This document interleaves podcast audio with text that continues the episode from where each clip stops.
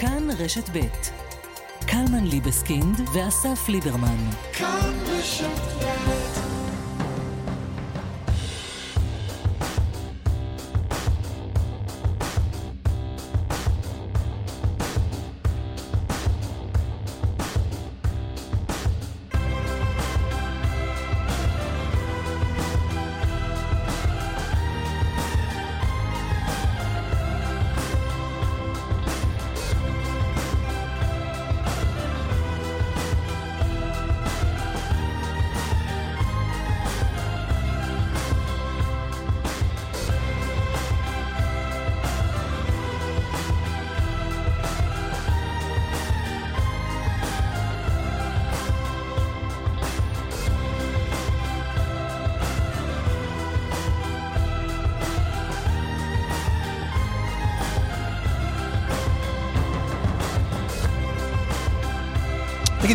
אעזוב לחו"ל, כן.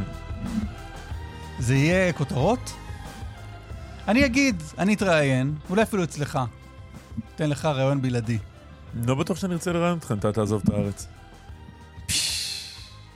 ככה את הבחורות המרואיינים שלך, לפי אם מתאים לך או לא מתאים לך העמדה שלהם? אני חושב שמבחינה ערכית, אם אתה תעזוב את הארץ, כן. אתה תראיין אותי, כמי שנשאר פה. אוקיי. זאת תהיה אמירה ערכית. סבבה, ואז כפעולת תגמול אתה תראיין אותי, בסדר? נניח לצורך ואם שיחתנו. אני אראיין- אתראיין אצלך ואני אגיד, אה, המצב פה קשה, Mhm. אז פתאום נזכרתי שהמחשב שלי, אה, לא, יש- לא עשיתי לו מיוט. אה, אני אגיד לך, המצב קשה, אה, המתח פה, מלחמת אזרחים מרחפת מעל ראשנו, אני לא אוהב את הרפורמה, אני לא אוהב את יוקר המחיה, אני עוזב. אני עוזב ל... תן לי הצעה. מה אתה אוהב לעשות בחיים? קיבל, קיבלתי הצעה, ל-CNN נגיד. קיבלתי הצעה מה-BBC. אוקיי. אוקיי, הולך לשדר תוכנית מוזיקה ב-BBC, BBC 1, או 4, או 5, אני לא סגור על מה בדיוק משגר שם, משדר שם מוזיקה. נוסע. זה, זה כותרות? העיתונאי, הס- כמעט, העיתונאי הכמעט בכיר שעזב את הארץ כי קשה פה, זה כותרת? קודם כל, אם אתה עושה מזה כותרת, זה כותרת. אתה היית עושה מזה כותרת? לא, אני אגיד לך. אני... היה לי, יצא לי הרבה פעמים בחיים אה, להיפגש עם אנשים שניסו לעניין אותי באיזשהו סיפור, ואז הם ישבו, אתה יודע, תשב בבית קפה, מישהו מביא לך איזה קלסר עם חומר ואומר, תגיד, זה סיפור? כן, אז התשובה היא, אם אני אעשה מזה סיפור, זה יהיה סיפור. כן, לחומר, לקלסר שלך אין, אין חיים משל עצמם. כן. אה, אני זוכר שפעם כשהייתי כתב לענייני רווחה, הצעתי, הצעתי לעורך של איזה אחת מתוכניות הבוקר, הצעתי לו, הצעתי איזה דוח מעניין שהיה לי.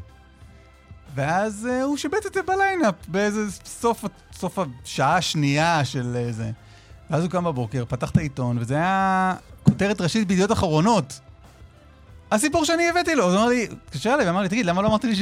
למה לא אמרתי לי שזה כזה סיפור? לא, ברור שההגדרה של סיפור עיתונאי טוב, זה סיפור שנמצא במקום גבוה אצל המתחרים. כן. זה ברור.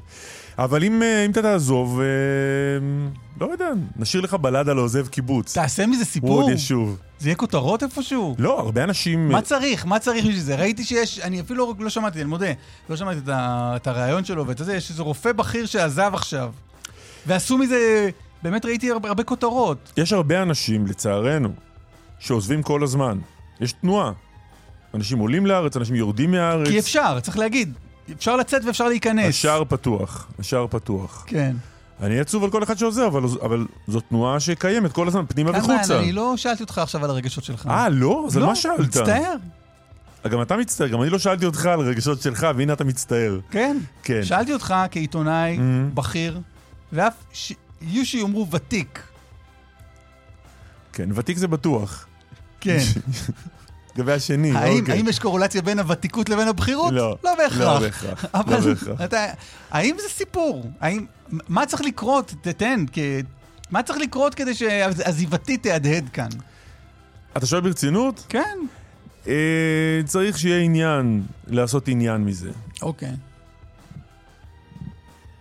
זהו. טוב. בסדר. מה חוץ מזה? לא יודע, אתה רוצה לדבר על אה, איך מתאם... אגב, אה, אגב, מה, מה עושים סיפור? כן. ממה עושים סיפור? גם ממה מרואיינים חושבים שיהיה סיפור אם הם יגידו. הרי אני אגלה לך סוד, כשמרואיין בא לראיון, הוא לא רק אומר, "Hmm, בוא נשמע את השאלות של אסף וקלמן, ועל פיהן, על פי השאלות אנחנו אה, נתייחס. הם גם מכינים דברים מראש, אתה ידעת את זה? אה, ואם לא ידעתי, אז הבנתי, אני חושב, אתמול בערב. שני אנשים התראיינו, אחד, שמו צחי הנגבי, ראש המל"ל, הוא אה, התראיין בערוץ 14. במקביל התראיין שר החוץ אלי כהן בערוץ 12. שני ערוצים שונים ושני אנשים שני ערוצים שונים. שונים ושני אנשים שונים. צחי הנגבי אמר בערוץ 14 כך: אפשר להגיד שהיום אנחנו קרובים מאי פעם להסכם נורמליזציה עם סעודיה. וואו. ממש באותה שעה אמר אלי כהן בערוץ 12 אנחנו הכי קרובים שהיינו אי פעם להסכם שלום עם ערב הסעודית. שזה אה. שני הבדלים, אחד מדבר על שלום ואחד על נורמליזציה, השני, אחד מדבר על סעודיה ואחד על ערב הסעודית. כן, לא חוץ דומה- מזה, לא דומה בכלל. לא דומה בכלל. כן. אתה רואה את זה ותוהה אם... האם, כמו שאתה אומר, מוחות גדולים חושבים דומה, כן. או, או- מישהו או- שיגר את שני המוחות הגדולים לשני מקומות מקבילים או שונים, כדי שיגידו את אותו דבר בעת ובעונה אחת. כן, כיוון שמדובר בשני אנשים ש... תראה, לא מדובר באבא אבן מצד משרד החוץ, וב... תן לי ראש מל"ל אה, מיתולוגי, מישהו שיש לו איזה גרביטס כזה גדול, מישהו שלא יכולים להנדס. נו, אין לי שם כזה, אוקיי. נגיד שהיה. אז אתה, אז אתה אומר, אוקיי, יכול להיות שיש שם איזה מישהו, איזה תקשורת מאחורי הקל- הקלעים שאמר לצחי הנגבי, תגיד תגיד לאלי כהן, תגיד את הדבר הזה. לא מופרך, דברים כאלה קורים. כן. לפעמים הם קורים כי הם משקפים מציאות, ואני לא באמת יודע מה קורה בינינו לבין ערב הסעודית, ולפעמים הם קורים כי למישהו חשוב שתדבר על משהו ולא על דברים אחרים, נכון. נגיד. אז אתה אומר, זה מייצר כותרת. תראה, אני, אני אסתכן בזה ש... או. אני אסתכן בזה... אני אוהב לראות אותך כן, מסתכן. אני אסתכן בזה שמחר בבוקר אה, ת, ת, תהיה מסיבת עיתונאים בהשתתפות אה, בכירים ישראלים וסעודים לעיני המצלמות ולחיצת יד, אולי אפילו בריאד עצמה, ויכריזו על פרוץ השלום. אני מסתכן ואני אומר שאומנם, כנראה אנחנו הכי קרובים שהיינו אי פעם, אבל אנחנו עדיין לא באמת קרובים לשלום עם, לא עם ערב הסעודית ולא עם סעודיה, מצד שני. מי שמכיר את אחוזי הפגיעה שלך בהימורים, חברים, שישים את הכסף שלו על הסכם שלום עם סעודיה מחר בבוקר. כן, לכו, תזמינו כבר עכשיו ב Booking את המלון הכי יקר שיש ב... טוב, כן, טוב. נדבר, נדבר על ההחלטה של הנשיאה אה, חיות. ההתרגשות מפעמי השלום, עשו לך ב... אמרת Booking, איך שאתה אומר Booking אני מהתרגשות, אני נחנק. אה, הנשיאה חיות אה, החליטה על הרכב של כל שופטי בית המשפט העליון, 15 שופטים כל מי שידונו... שיש. כל מי שיש. אמרו חברים, מי נמצא בבניין שיבוא לשבת לדון בעילת הסבירות. זה יהיה בספטמבר. ואם, אה, לא יודע, פוגלמן הזמין בדיוק מלון, שמעת שיחה, הזמין מלון בריאד ורוצה עכשיו לממש, הוא אומר, הוא צריך להישאר בארץ, כולם מקורקעים. כולם מקורקעים. כן, אז ב-12 בספטמבר, דיון בצמצום עילת הסבירות בבית המשפט העליון. אה, כל ה-who's and who's יהיה שם, שזה כולם. אה, הרכב מלא של בית המשפט. עוד רגע נדבר עם אה, כתבנו, פרשננו אבישי גרינצייג והפרופסור יובל אלבשן בעניין הזה. יש שביתה, שביתה, בראמה. למה, אתה יודע? כי ראש המועצה שם עצור. הוא עצור אה, החל מהשבוע שעבר, הוא נעצר יחד עם אה, ראש ארגון הפשיעה, לטיף אבו לטיף. מכיר אותו? שמעתי עליו. שמעת עליו, הרגע. אה, חשד למעורבות בגביית כספים מעסקים באמצעות סחיטה באיומים ועוד ועוד. והמועצה, אני לא יודע אם לאות הזדהות עם ראש המועצה או לאות מה, החליטה לשבות. כן. ראש המועצה עצור בחשד לסחיטה באיומים וקשר עם ארגוני פשיעה, אנחנו לא באים אני לא לעבודה. מבין למה אתה מתפלא. תגיד רגע, אם עוצרים אותי. אוקיי? העיתונאי הכמעט בכיר אסף ליברמן, עוצרים אותי, אני יוצא מן... הייתי משלם כסף, באמת. לא? חלילה. משלם כסף כדי לראות את הפגישה בינך לבין לטיף אבו לטיף. השיח ביניכם מרתק אותי. זה שאתה אומר, אני רוצה- לדמיין אותך סוחט באיומים מישהו. אני מת לסחוט באיומים מישהו. אז אני כבר מחבר אני לא אותך. חושב שיש לי את הכישורים לסחוט באיומים מישהו, זה מה הרי לטיף שמפריע אבו לי. לטיף, כמו שאנחנו מעריכים יום יומיים משתחרר, אני אארגן לך, בסדר? טוב, בקיצור, נדבר עם מישהו משם. כן, עם ממלא המקום של ראש מועצת ראמה. ש- ועם חבר הכנסת משה סולומון, שהוא חבר ועדת אה, חוץ וביטחון של הכנסת, כי היה אתמול דיון אה, עם... ועוד הרבה דברים מעניינים, גם אה, הסדרה המאוד מעניינת שעולה הערב בכאן 11 על טבריה. יש למה לצפות. רק רציתי להגיד שאם עוצרים אותי בחשד לסחיטה באיומים, אני מצפה, קלמן, שתשבית את המערכת. תושבת. אני יושב במעצר ואתם ממשיכים כאילו כלום. עליי. איתמר דרוקמן, שישבות גם הוא, עורך את המשדר הזה, הדס סיוון, שאני אה, קצת, לא, לא יודע אם היא באמת תשבות, אה, מפיקה, נויה משיח וגלית אמירה על הביצוע הטכנו. אנחנו כאן עד 10, גם ברדיו כאן רשמת, גם בטלוויזיה כאן 11, אפשר לצאת באשטג קלמן ליברמן בטוויטר, ואנחנו גם בטלגרם. אבישי גרינצייג, כתבנו למשפט שלום. בוקר טוב. בוקר טוב. אה, תגיד שלום גם לפרופסור, אני שובר שביתה. כן, תגיד שלום גם לפרופסור יובל בשן. בוקר טוב. יובל אלבשן? אהלן, בוקר טוב חברים. בוקר טוב, מה. העניינים? אה, אני נכנסתי ל Booking בדיוק, וה- והאתר אה. קרץ בעקבותכם, כן. פרסומת חינם, שגויה, זו הייתה טעות שלי. יובל הוא משפטן כמעט בכיר, מגיש התוכנית הכל שפיט ברשת ב'. הייתי דווקא הולך לכיוון ההגדרה של קלמן, ותיק, בכיר לו. כן, כן. רגע, למה אונו? אתה, אתה עדיין באונו, לא? בטח, בטח, לא. הורידו לך את הקרדיט של אונו מאז. חברים, מותר להגיד לכם אה, מזל טוב, חצי מיליון מאזינים לכל תוכנית? לא. לא, אוקיי, אנחנו לא לא. בעניינים האלה. בואו ניגש רגע לעניין עצמו. אבישי, מה זו ההחלטה הזאת? האם, האם מדובר בהחלטה, כלומר, החלטה דרמטית של הנשיאה חיות, או משהו שהיה צפוי שיקרה? אה, קודם כל לא, לא היה צפוי ש-15 שופטים ישבו על אה, חוק אה, ביטול הסבירות, זה לא היה משהו טריוויאלי מעולם, עדיין לא ישבו 15 שופטים ודנו בתיק כלשהו. גם לגבי חוק יסוד הלאום נניח, למיטב זיכרוני ישבו 11 שופטים, וככה על דברים אה, רגישים נוספים. גם נניח על האפשרות להוציא את נתניהו, שנתניהו לא יוכל להרכיב ממשלה. גם ישבו אה, 11 שופטים, אז העניין הזה של 15 שופטים זה חסר תקדים. והשאלה מה זה אומר. אבל, ו- אבל היסטורית, אני חושב על הרכבים, אה, לא יודע, פסילת ההתנתקות, או פסק דין המזרחי, ההתנתקות היו 11 שופטים. אה, לא היה זיכרוני. אף פעם הרכב מלא? היה בעבר, אני חושב, ב-1970, אני אז הייתי אז אה, די צעיר יחסית, אה, היו, היה הרכב של תשעה שופטים, אה, וזה היה ההרכב הנוכחי, שבעצם שהיה הרכב מלא של אה, בית אה, המשפט, כי חלק אולי פרשו או משהו כזה, היה, יש איזשהו תקדים של, שכל שופטים אה, היו, אבל זה, אבל לא שבית המשפט אה, מונה 15 שופטים. יובל, יובל, נסה רגע להיכנס ל- לראש של הנשיאה חיות כשהיא מחליטה לכנס את כל ההרכב, מה בעצם היא רוצה להגיד, למה היא עושה את זה? אני, אם ננסה להיכנס לראש שלה, היא עושה את זה מכמה סיבות. אחת, כי מדובר בסוגיה סופר כבדה, גם בלי קשר בכלל למצב, נקרא לזה מחוץ לבית המשפט. אבל סוגיות כבדות אה, היו, היו גם בעבר. לא, לא, אבל, אז רגע, זה לא סתם סוגיה כבדה, כי זה לא סתם שאלת השאלות האם אפשר בכלל לפסול חוקה סלש חוק יסוד, אלא מדובר בחוק יסוד שנוגע בסמכויות בית המשפט העליון עצמו. זאת אומרת, יש פה לכאורה איזה סוג של ניגוד עניינים מוסדי שאין לו ברירה, כי אין מישהו אחר שישפוט, ולכן, הנשיאה, ולכן בית המשפט העליון חייב לנהוג פה בזהירות מרבית. ניגוד עניינים, כי צריך, רגע, רק צריך. להסביר, ניגוד עניינים כי בית המשפט העליון בעצם דן בצמצום הסמכויות שלו עצמו. לא ניגוד עניינים אישי חלילה או משהו כזה, אלא לא, ב- כן, מוסדי. אמרת ניגוד עניינים מוסדי. נכון, בדיוק. שזה, ש, שאין, אגב, שאין ברירה אחרת, אין מישהו אחר שישפוט. אבל תגיד, בעצם הזה. זה, מה אפשר ללמוד על, ה, על הרכב החמישה עשר הזה? האם אפשר ללמוד, קודם כל, אפשר להגיד שהנשיאה חיות אומרת את הדבר שהוא לא מובן מאליו, וזה שכן, זו סוגיה. כלומר, מי שחשב שיגידו, לא, ברור שבית המשפט העליון לא יכול לפסול חקיקת יסוד, אז באה הנשיאה חיות ואומרת, כן, לכל הפחות צריך לדון בזה. נכון מאוד.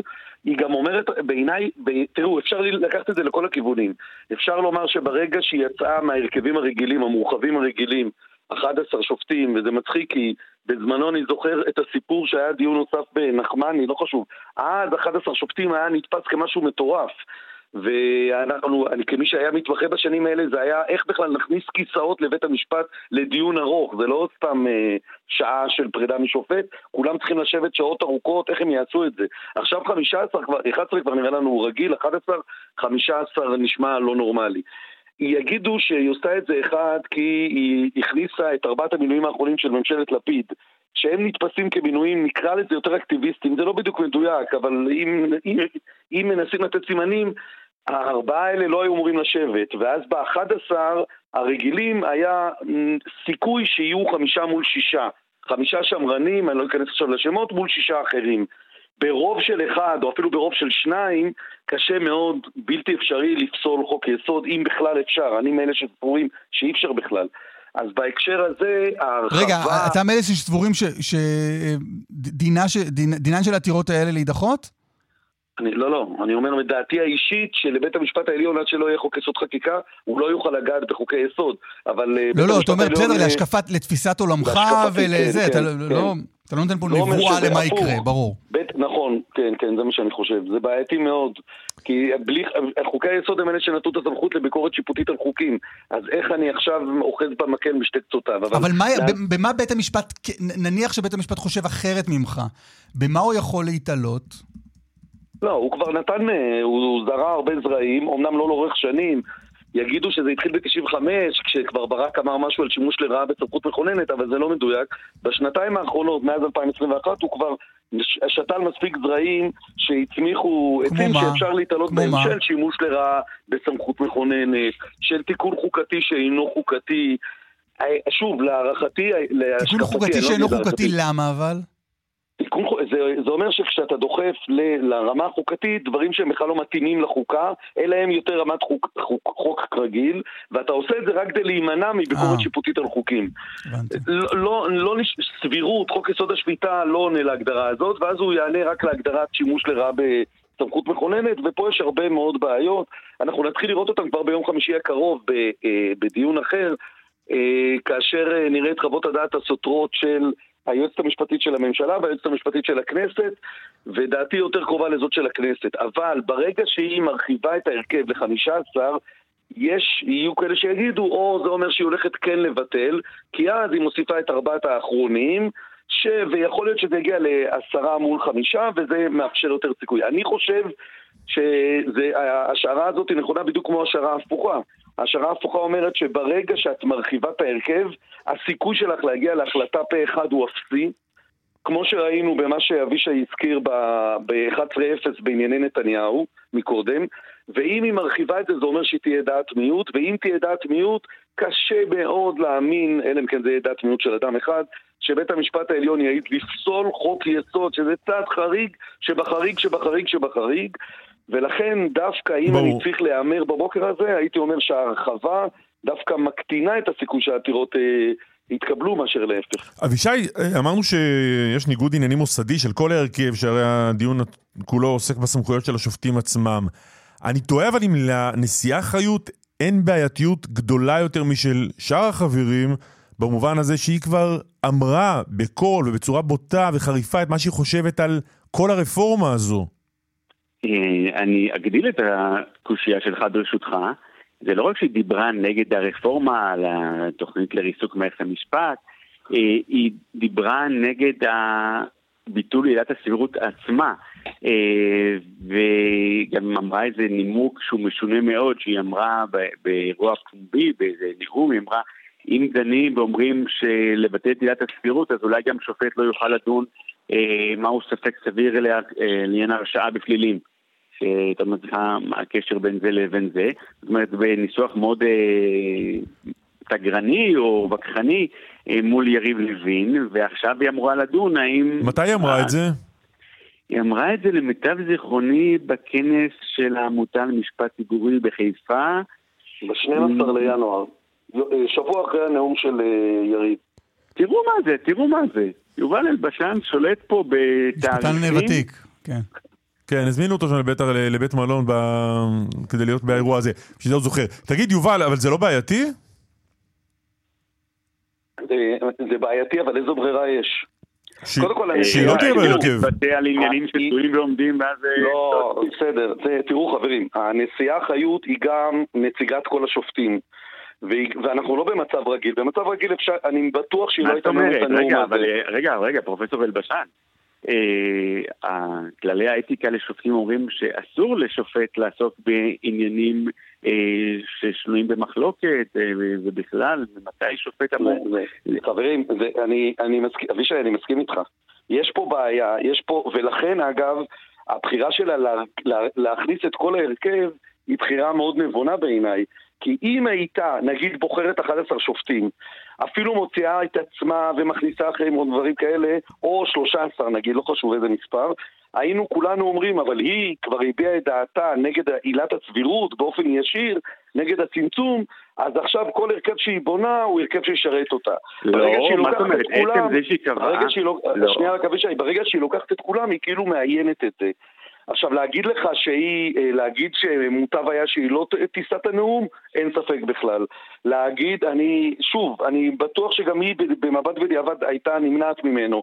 אבל, אבל בכל זאת היא לא סתם שופטת, אלא היא נציגת כל שופטי ישראל וראשת המערכת, והיא נשאה נאום אה, בהקשר הזה. אם אם יש לא אם יש איפשהו. בכללי האתיקה, פרופסור אלבשן, אם יש איפשהו בכללי האתיקה שעושים את החילוק בין אה, שופט בית משפט עליון, שופט שלום, נשיא בית המשפט העליון, מצוין, אני לא מכיר שום חילוק כזה בכללי האתיקה.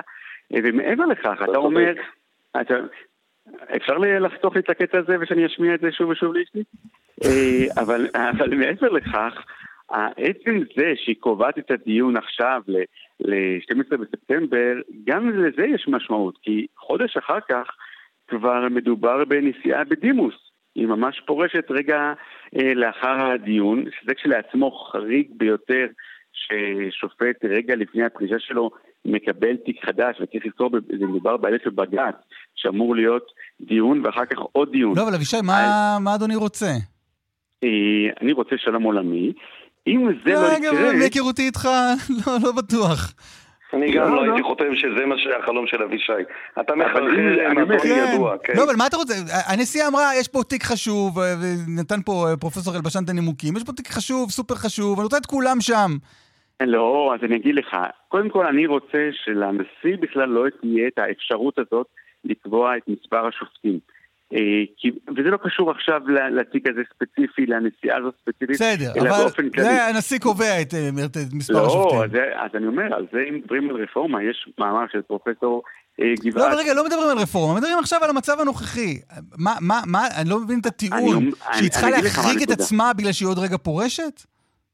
לא, אני אומר, ברגע שהיא מתבטאת על הרפורמה ועל צמצום עילת הסבירות בפני עצמו, ועכשיו היא קובעת את ההרכב, וזה, פרופסור אלבשן אומר, הנה, היא קובעת את כולם, אבל לא, אבל יש משמעות, כיוון שיש שמות ויש דמויות מאחורי המספר, אז אנחנו יודעים לא, לא הבנתי את עניין, 15 הפריש, את עניין הפרישה שלה. כלומר, אה, שופט, אומר- אני שופט אומר- דן בתיק עד היום האחרון לא. של הפרישה שלו, יכול לכתוב את אה, פסק לא, הדין אז שלושה חודשים לא, אחר אז כך. לא, אז זה מקובל, אז מקובל אה, ששופט בחודשים האחרונים, לפני הפרישה שלו, כבר לא מקבל תיקים חדשים. כיוון שיש לו עומס, והוא חייב לכתוב את הכל עד ממש בפרישה שלו. בסדר, חשוב לה. האירוע לא, חשוב. האירוע אני אגיד, חשוב לה. למדינה זה זה. חשוב. אז אני אגיד, זה מאוד מאוד מאוד חריג כשמוגשת עתירה נגד חוק, בטח חוק יסוד שקובעים את לא, העתירה. אבישי, לא, אבל יש כאן אירוע חריג. יש כאן כן, אירוע חריג, שהיא מגייסת, אתה אמרת, אתה פתחת, אירוע תקדימי בתולדות המדינה, 15 שופטים, אז הנשיאה גם באופן חריג תכתוב את פסק הדין עד אה, יום הפרישה ואולי גם אחר כך. אז אני עונה, כיוון שמדובר בדבר שהוא מאוד תקדימי, כמו שדיברנו, האם בכלל אה, בית משפט יכול לפסול חוקי יסוד, האם יכול לקחת שימוש לרעה וסמכות, אז כשהכל מהרגע להרגע, בסדר, זה ספטמבר, והמדינה כבר צריכה להגיב עוד לפני כן, אה, כשבדרך כלל זה תהליכים שלוקחים חודשים רבים, ופה הכל דוחסים כדי שחיות תוכל לשבת בהרכב. לא, אה, כי המדינה בוערת, נו, אבישי, מה, אתה...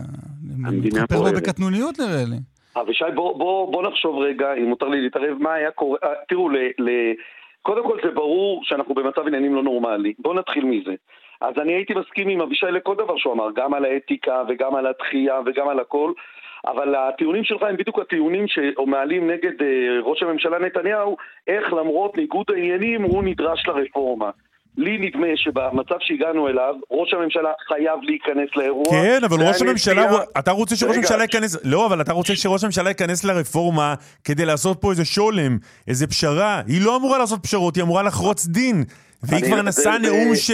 נשאה לא, נאום אני- שבו אני היא אמרה ש- מראש מה היא חושבת על ההליך הזה לפני שהחל ההליך המשפטי, זה לא דוגמה נכונה. אני חושב שזה בדיוק אותו, אותו דבר, ואפילו אותה דוגמה. גם פה, גם ראש הממשלה הביע את דעתו, הוא לא דיבר על שולם, הוא לא בא לנו מהאו"ם, והוא לא לבוש בכוח בפיס פורס, אה, במדים של הפיס פורס.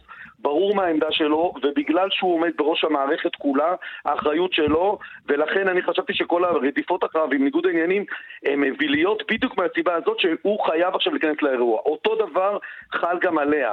תחשבו, לה היה הכי נוח להגיד, אני והשופטת ברון בלאו הכי פורשות באוקטובר, אז אנחנו כבר לא נדון בעניין, אני אשאיר את זה כבר טוב. לשופטים האחרים. חברים, זה בלתי אפשרי. אוקיי. וזה אגב רק בעיניי מעלה עוד יותר את הסיכוי שהעתירות האלה יידחו. נכון שיכולה לכתוב עוד שלושה חודשים, אבל זה יהיה, אני מניח ש- שיספיקו לעשות את זה מהר, וגם המצב כל כך מדמם שהיא חייבת לשים את הפלסטר, וזה אומר הנקודה היא לא. האם העתירה תידחה או לא תידחה, כיוון שיש גם מרחב פרשנות. זאת אומרת, אפשר לא לדחות את העתירה, נכון. אה, סליחה, אפשר לדחות את העתירה, אבל לרוקן מתוכן את אה, אוקיי. צמצום עילת עם. ההערה הזו נסתיים. אבישי גרינצייג, כתבנו, הפרופסור יובל אלבשן, תודה רבה. תודה, תודה. תודה חברים. בוקר. אור.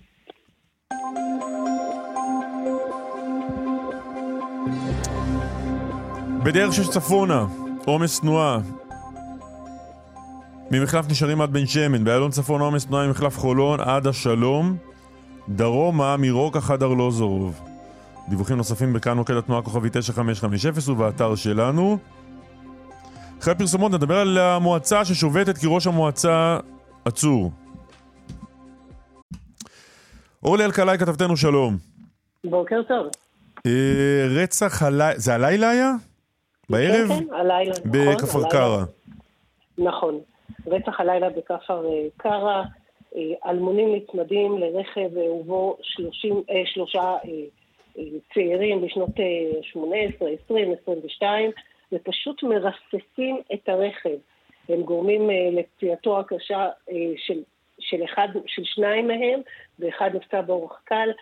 אה, הפצוע האחד, אה, צוותי מד"א מבצעים בו פעולות החייאה ממושכות ולבסוף הם נאלצים לקבוע את מותו של לייט עבאדי, בן 18, תושב אה, הכפר. אנחנו מדברים על 135 נרצחים אורלי, אנחנו יודעים מה. הרקע לאירוע הזה? במשטרה אומרים הרקע הוא פלילי, הרכב של היורים נמצא בוער בפאתי הכפר לאחר ששרפו אותו. במשטרה אומרים מדובר, הרקע הוא פלילי. לא, זה ברור שהרקע פלילי, לא חשבתי שזה על רקע לאומני, אני שואל... עדיין, לא, לא, על- על מה אנחנו יודעים אבל אם אנחנו יודעים הבחור. שנרצח הוא היה היעד, אליו כיוונו? הוא, הוא היה היעד ואדם נוסף שהיה איתו ברכב, כן. כן, שניים שהיו ברכב מתוך השלושה הם אה, היו היעד, והמשטרה, וכך לפחות על פי מה שהמשטרה אה, אומרת לנו, והחקירה הזו כמובן אה, רק בראשיתה, ולא, עדיין אין אה, עצורים אה, בחקירה הזו. מה קורה בראמה? אה, ברוכים הבאים. בראמה יש ראש מועצה שנעצר לפני שבעה ימים. כן, בדיוק בשבוע שעבר. על ידי היחידה הארצית למאבק בפשיעה כלכלית בלהב 433. היא מנהלת חקירה סמויה כבר כמה חודשים, שבעלי עסקים בצפון נסחטו באיומים על ידי אנשי ארגון הפשיעה. אבו לטיף.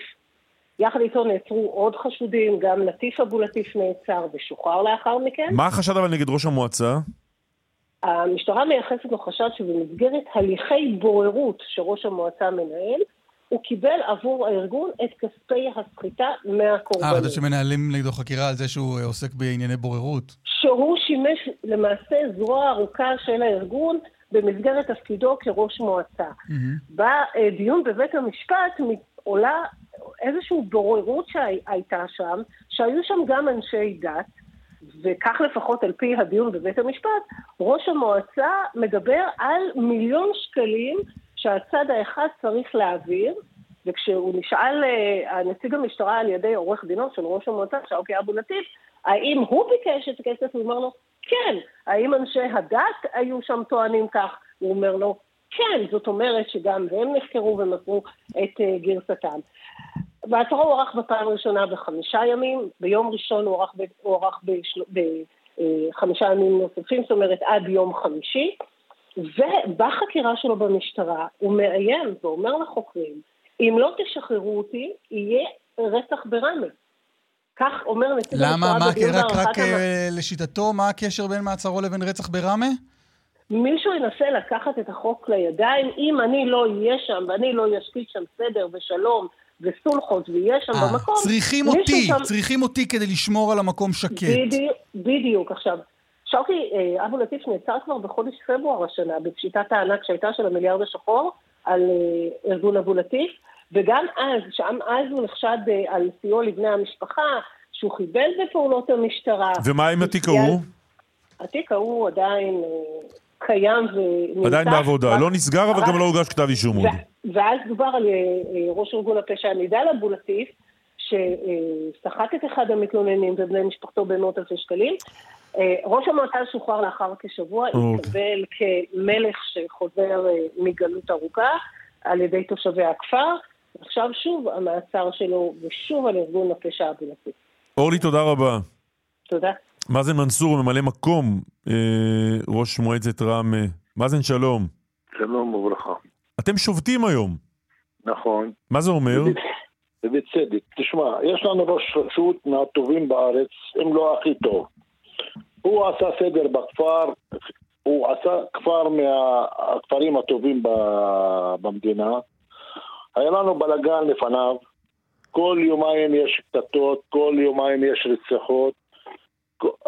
היה לנו רציחות. ראש המועצה הזה הגיע לפה, והוא עשה סדר, עשה, חיסה לנו כל החובות, היינו בגירעון של ארבע, של כמה מאות אלפי שקלים, הכל סידרנו אותם, אנחנו היום מהכפרים הטובים, מובילים, ואני לא יודע למה המשטרה יפה, כל... אז, אז שאוקי אבו, אבו לטיף, ראש מועצת ראמה, הוא שופרא דשופרא, אתה הטופ של הטופ בראשי המועצות. שאל אותך קלמן, מה זה השביתה?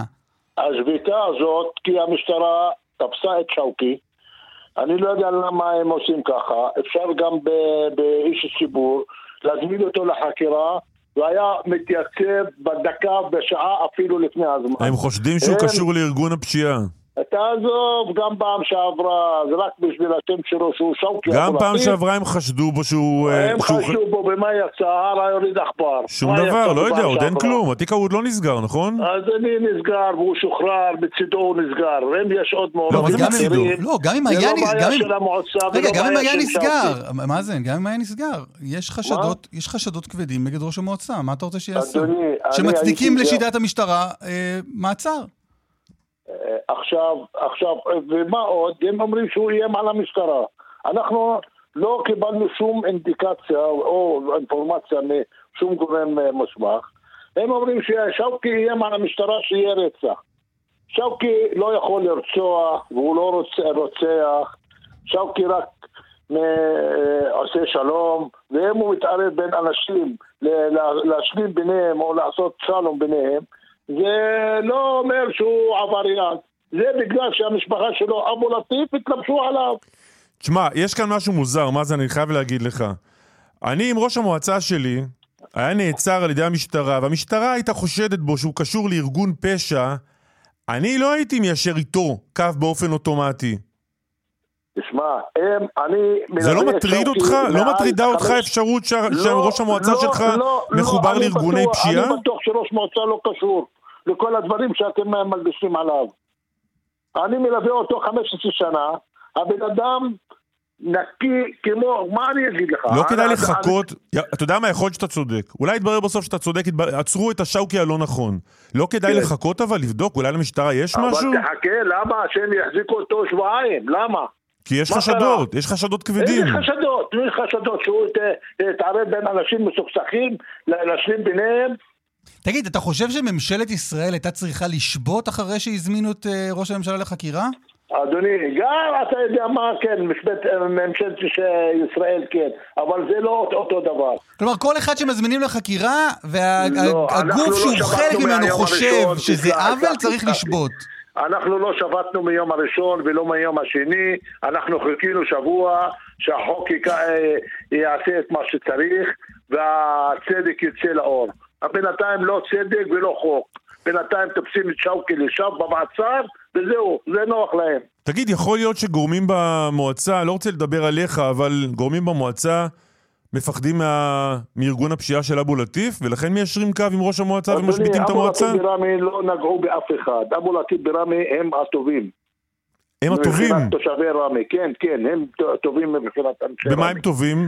הם טובים, הם לא נוגעים באף אחד, תעזוב, אבו לטיף, אה, לא יודע, הממשלה עשתה מהם כאילו בוא בוא. מה הם עושים? לא- מה זה הארגון מה? הזה של אה, לטיף אבו לטיף? אדוני, לטיף אבו לטיף, אני לא יודע, אין- אני לא מעורב איתו.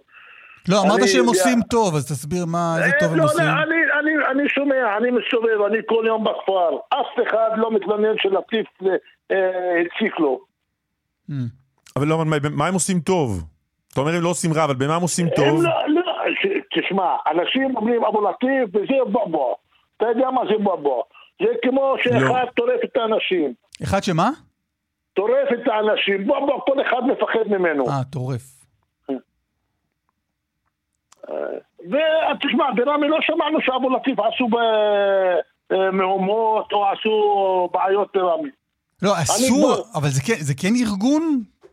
אני לא יודע, אני, אל תיקח ממני דברים כאלה, אני לא יודע. יש משטרה, יש פרקליטות שעשו מה שהם רוצים. אז לא, אתה סתם- אומר- אתה אומר אסור כי יש שם אנשים, זה כמה אנשים, אתה לא מתייחס ללטיף אבו לטיף כאדם אחד. מה, לטיף, כל משפחת אבו לטיף בראמה ארבע אנשים. סתם נטפלים אליהם, אתה אומר. תגיד, מה לא עובד בראמה? שנדע, סליחה? שהתושבים... מה לא עובד הבוקר כל בראמה? המוסדות של המועצה סגורים, מושבתים עד להודעה חדשה, עד שחרורו של אבו שאוקי אבו לטיף. ואם הוא לא ישוחרר עוד שבועיים? אנחנו נשפוט. מאזן מנסור, ממלא מקום ראש מועצת ראמה, בזמן שראש המועצה במעצר. תודה רבה. אין בדמה. תודה, תודה. ביי.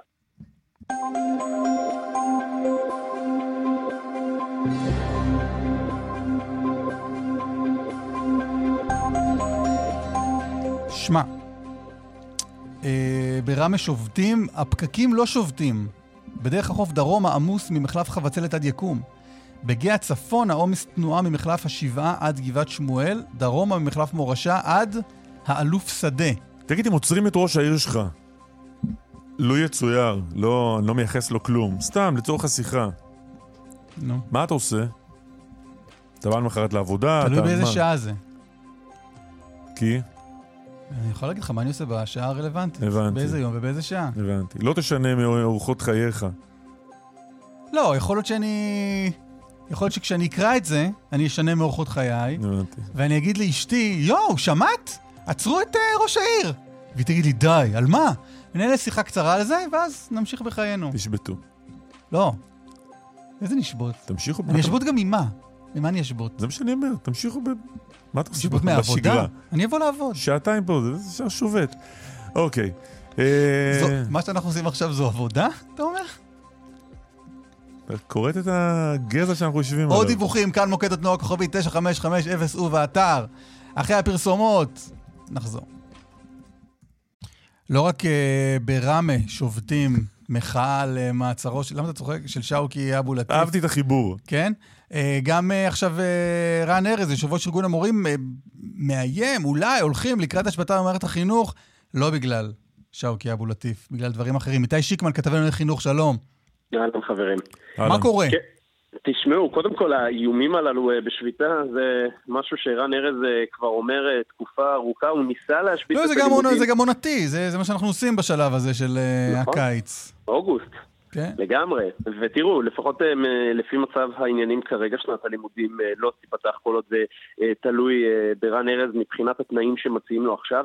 אתמול פגישה ראשונה בין רן ארז לבין שר החינוך וגורמים נוספים, אבל בעיקר צריך לשים שם את שר החינוך יואב קיש אל מול רן ארז אחרי חודשים של דם רע בין השניים הללו, אחרי מתקפות אישיות לעיתים מתחת לחגורה, אז עכשיו הם נפגשים, בעצם שר החינוך יחד עם שר האוצר, הם מוצאים איזשהו סרטון, סוג של הצהרה לתקשורת, קצת ביזארי, אני חייב לומר, ששר האוצר מציג את המתווה, את מה שהם מציעים, ושר החינוך קורא לרן ארז להגיע עד שיצא עשן לבן, בשעה ארבע אחר הצהריים, עד שיצא עשן לבן, אלא מה? רן ארז מגיע, והפגישה מסתיימת בתוך שעה.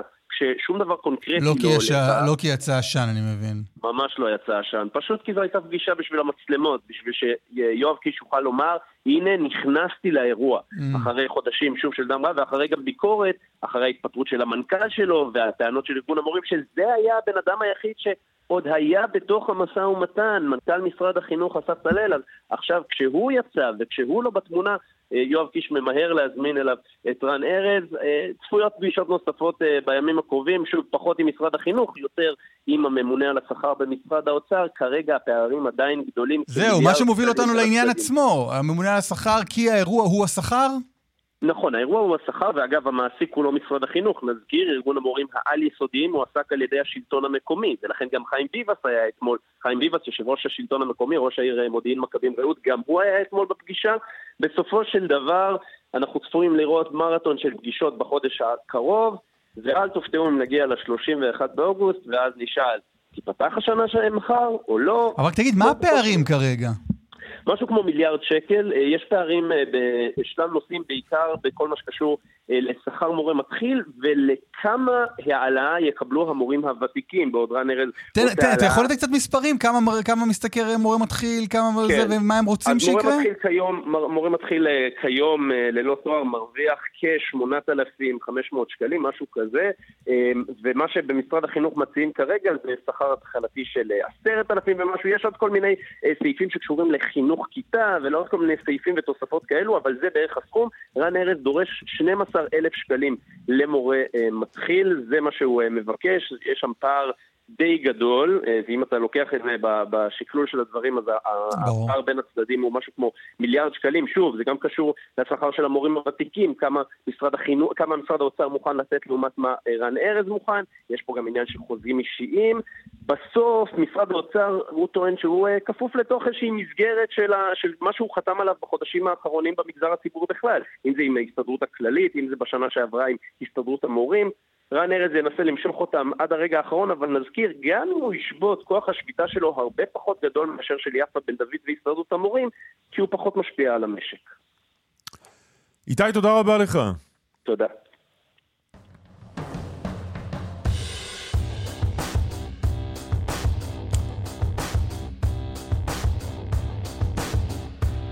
מה, קצת תגובות יש לך? קננבול כותב או כותבת... מי? לא יודע. רן ארז כל שנה עושה בלאגן. זו התובנה של אה, המגיב או המגיבה הזה. אמ, אה, הוא גם, על רמה הוא כותב, או היא, יש שם יריות כל יום. כלומר, רוצה לומר, הכל קורה כל הזמן כמו שאמור לקרות. רן ארז כל שנה שובת, כל יום ברמה יש יריות. עולם כמנהגו נוהג. אייל גולן.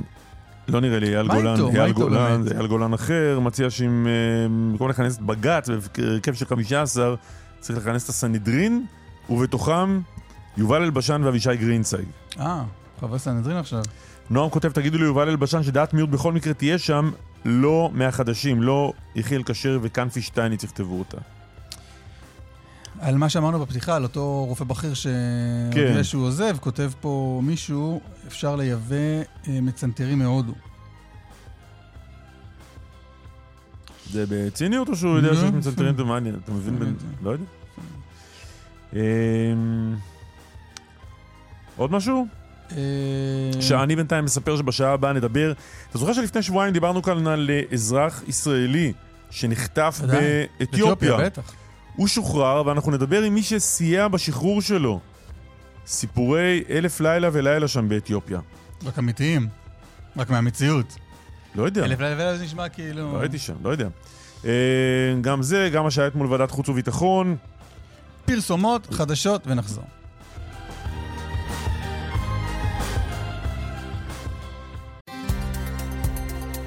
כאן רשת ב' קלמן ליבסקינד ואסף ליברמן. כאן רשת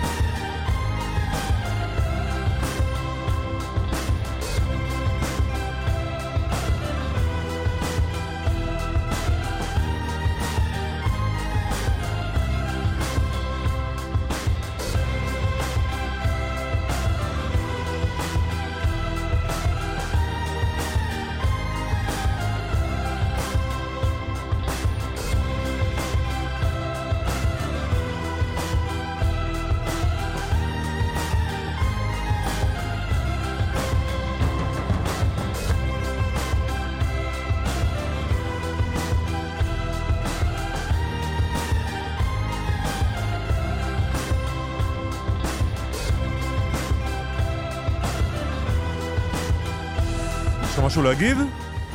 להגנתך או להתקפתך?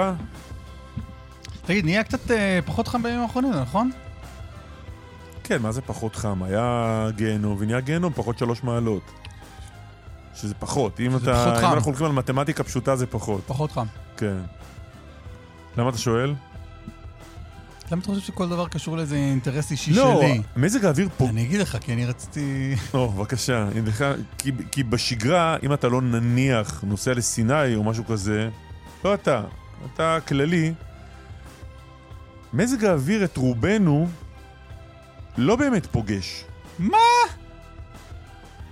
כמה אחוז מה מהאנשים, זה? קחו את האיש הזה מפה. כמה אחוז מהאנשים בישראל מסתובבים בחוץ. לא עובדים במקום ממוזג, או לא נוסעים למקום ממוזג עם רכב ממוזג? רבים. לא, מה זה רבים? בסדר, נו. רבים מסתובבים בחוץ, יושבים בבתי קפה, יושבים בבתי קפה. מצילים בים, יושבים בים. אה, רגע, רגע. בוא, לא. יושבים בים זה כיף.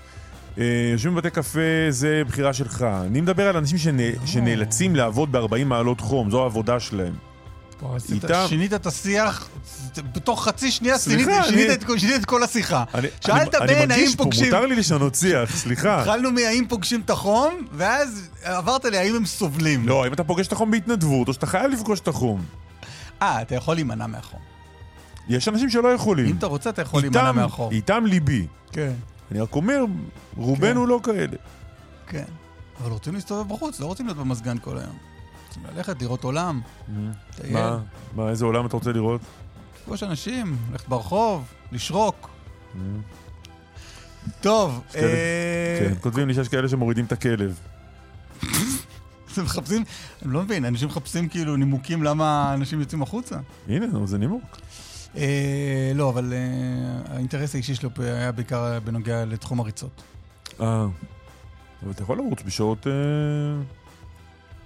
כן, או מאוד מוקדם בבוקר או מאוד מאוחר אה, בערב לילה. טוב, בואו נדבר עם אה, חבר הכנסת משה סולומון, הוא חבר ועדת החוץ והביטחון של הכנסת, איש הציונות הדתית, שלום. בוקר טוב אסף, בוקר טוב קלמן, בוקר טוב. המאזינים. מה שלומך? בסדר, בסדר גמור. אתה יודע, שמח, אתמול בערב אה, חזרתי בלילה מחגיגות אה, השמחה של הקמת היישוב רמת ארבל, והיו לי שם המון המון דגלים משני צידי המתרס, גם מי שבעד הרפורמה, גם מי שנגד הרפורמה, למרות שזה לא קשור למהלך שם.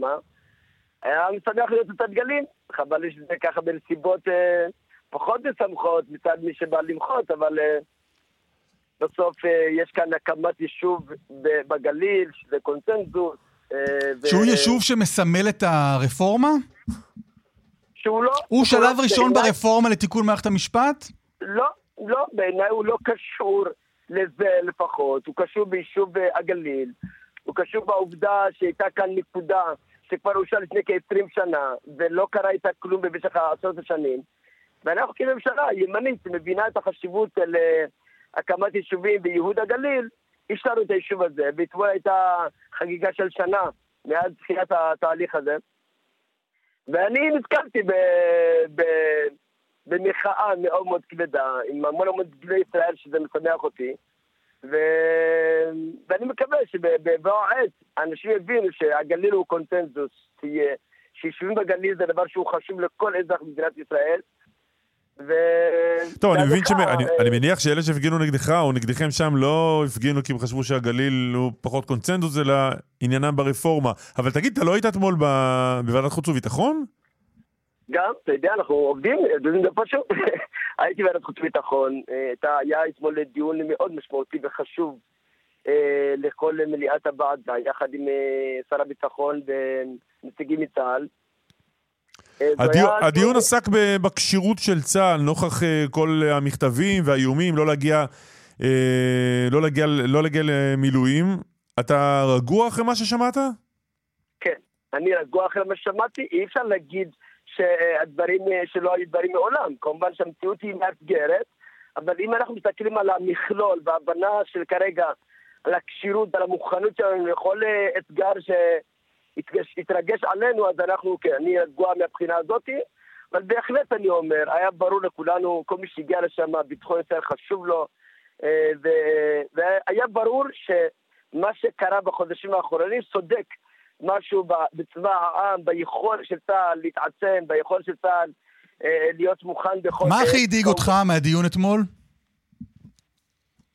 תראה, בסוף אי אפשר להתעלם מהעובדה שמה שקרה ברחובות, אה, המחאה, וה- גילויי הסרבנות, ואי ציות או אי התנדבות, כל הדברים האלה כן משפיעים. הדאיג אותי שאם הדבר, המגמה הזאת תימשך, יקרו אחד משניים. אחד, אנחנו באמת נאבד אה, אה, לוחמים ואנשים באמת משמעותיים בביטחון ישראל בעתיד, לא ברגע נתון זה, וב' שזה עלול להדביק עוד קהלים שהם לא כרגע לא נמצאים במחאה, בגלל שהם מרגישים שלא יכול שהקול שלהם לא יישמע בפוליטיקה, והפוליטיקה תתערב. לא, לא, עזוב, עזוב רגע, צה"ל. אני מנסה להבין אה, מה מצבנו הביטחוני, מה שמעת שם שהדאיג אותך? אני, אומר- אני מסביר.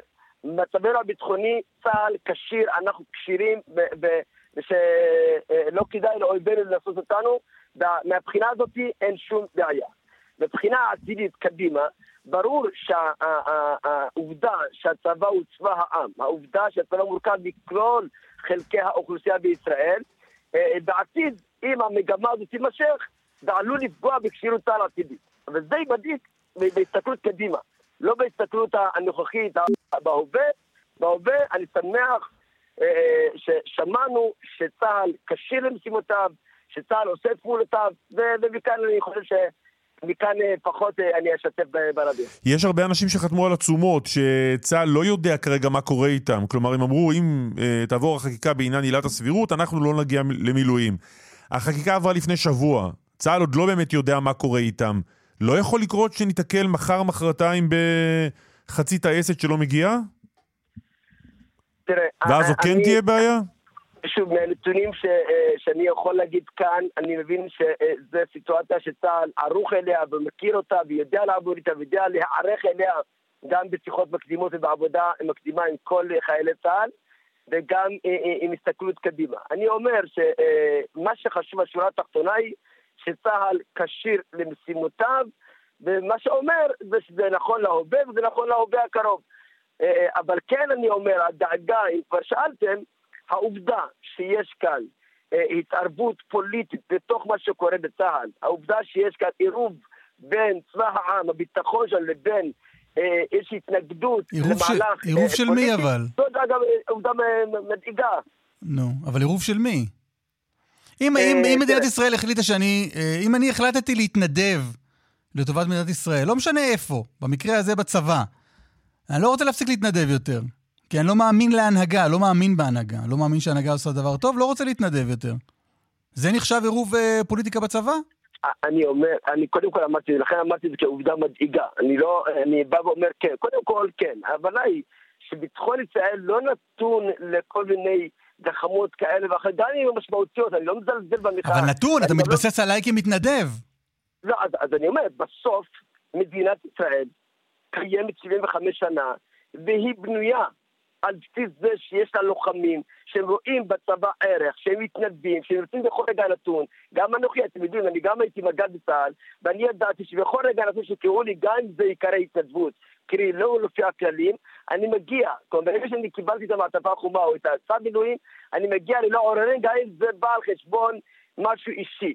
והיום באים ואומרים אנשים מאוד איכותיים, שאני מאוד מעריך, אני מאוד מאוד רואה בזה ערך אה, אה, מאוד משמעותי, האנשים האלה באים ואומרים, יש מצב שאני לא אתנדב, וזה פוגע בלכידות, זה פוגע ביכולת שלנו להיערך. כן, כי הם מרגישים שההנהגה של המדינה היא זו שפירקה את הלכידות. הם מרגישים אני- שזו אני- לא מדינה שהכיוון שאליה השלטון רוצה לקחת את המדינה, הם לא, זו לא מדינה שהם רוצים להילחם עבורה. כן, עכשיו, אפשר לקחת את זה לכיוון הזה, אני מבין את העניין הזה, אני גם לא, אני גם לא, מתנ... לא מתנער ממנו. אתה יודע, גם בבית שלי, כן, בחודשים האחרונים, אה, אה, היו מחאות. אבל אה, מה שעשיתי, יצאתי לאנשים האלה, דיברתי איתם, ומאז היו מספר, שבוע, שבועיים, זה הכל, ומיד מאז עד היום מגיעים אליי פעם בשבועיים, אנחנו יושבים ומדברים, ומנסים לחשוב מהם האתגרים שלנו בחברה האזרחית, בחברה הישראלית, כי הם לא חדשים. תגיד, אבל אפרופו, השיח אפרופו חשוב, אתגרים, לא אפרופו. אפרופו אתגרים, אומר שם בישיבה, על פי ציטוט- ציטוטים שיצאו, ראש אגף המבצעים בצה"ל, אלוף עודד בסיוק, הוא אומר, המשבר בישראל נתפס כחולשה וכסימן להתפוררות פנימית של החברה בקרב מדינות אויב. בשל כך הן מגלות תעוזה רבה יותר, ותחושת הביטחון שלהן גוברת. והן הפחשות שניתן לאתגר את ישראל באופן חריג ביחס לשנים האחרונות. מה עוד נאמר שם בהקשר הזה? קודם קודם כל זה מצער אותי שדברים שנאמרים בוועדת חוץ וביטחון, אה, דברים אה, שנאמרים באחד- בחדר סגור, יוצאים החוצה, בעיניי זה דבר שהוא אה, אה, מסוכן ולא נכון, זו הסיבה שהוא אה, אה, חסוי.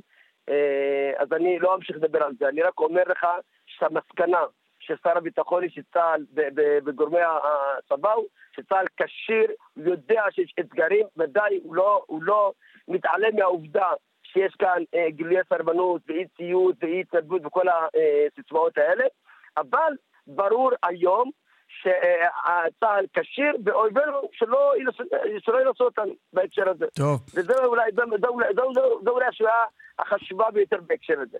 אני מקווה שהמגמה שבה המחאה או העמדות הפוליטיות להיכנס לתוך הצבא ייפסקו, וזה חשוב לכולנו, אנחנו חיים באותה סירה, באותה, באותו מרחב, וכשזה יאתגר אותנו, זה יאתגר את כולנו באותה מידה. חבר הכנסת אה, משה סולומון, אה, חוץ וביטחון, ציונות דתית, תודה רבה. תודה, תודה. אני, רק- אני כן רוצה לפרגן לכם, אני ככה ראיתי שאתם נמצאים בשיא של האזנה של חצי מיליון אנשים, אז קודם כל כל הכבוד ותודה לכם. אני תודה אגיד עוד רבה. מילה אחת רק, אני אגיד עוד מילה אולי, קלמן, לפני איזה שנה שמעתי אותך, תראה, אני מאזין לכם כבר הרבה שנים, שמעתי אותך, אותך מדבר על קליטה סולולרית אה, אה, ביהודה ושומרון, על מצב של קליטה. אני לא, היום- יהודה ושומרון לא מעניין אותי, דיברתי על לא, לא. קליטה סלולרית נכון, במושב אבל- שלי. נכון, זה לא יהודה ושומרון, אבל דיברת על קליטה סלולרית. ואתם יודעים, היום אני מכהן כיושב ראש ועדת משנה של אה, יהודה ושומרון בתוך ועדת חוץ וביטחון. ובמושב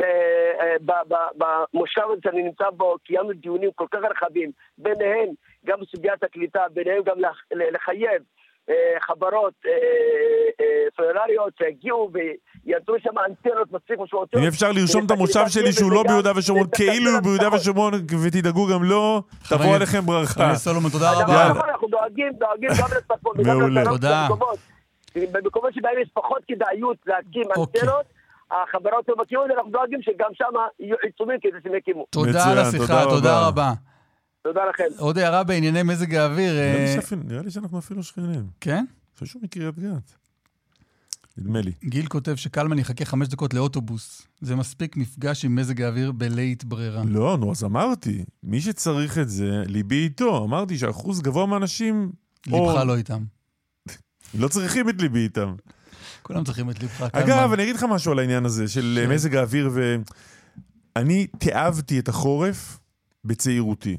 כן. בדיוק בגלל הדברים האלה. כשהייתי בחור צעיר ונסעתי לנער, נסעתי לישיבה, תיעבת את החורף? את החורף. אוקיי, זה צריך. הייתי עומד בתחנת אוטובוס ונרתע, והאוטובוס היה עובר ומשפריץ עליי מהשלולית, וזה היה זה. כשבגרתי ורכשתי פעם ראשונה רכב, התחלתי להתאהב בחורף. כן, אתה... שלא אכפת לך. כן. לא, אכפת לי מאחרים, אבל אני כבר לא נרטב מהשלולית. שלום אה, גילי. שלום וברכה, בוקר טוב. אנחנו קוראים לך גילי למרות שזה לא השם שלך, אה, עוד רגע אולי אה, נבין גם למה. אתה איש עסקים בימים כתיקונם, וימים שפחות כתיקונם רתמו אותך כדי לסייע בחילוץ האזרח הישראלי שנחטף באתיופיה. נכון מאוד. תסביר למה פנו אליך, מה, מה עשוי היה להיות חלקך באירוע.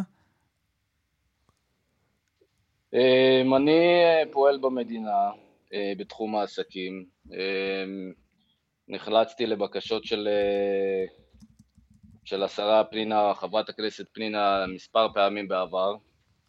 וסייעתי לישראלים ממוצא... כן, וסייעתי לישראלים ממוצא אתיופי. אה, לאחרונה, בערך לפני שבוע, פנתה אליי שוב במקרה הזה של החטוף המבוגר, לנסות ולחלל, לסייע בחילוץ שלו, אה, ומשם זה התקדם. כשאתה נכנס לתמונה, מה אתה יודע עליו, על המיקום שלו, על מי שמחזיק אותו?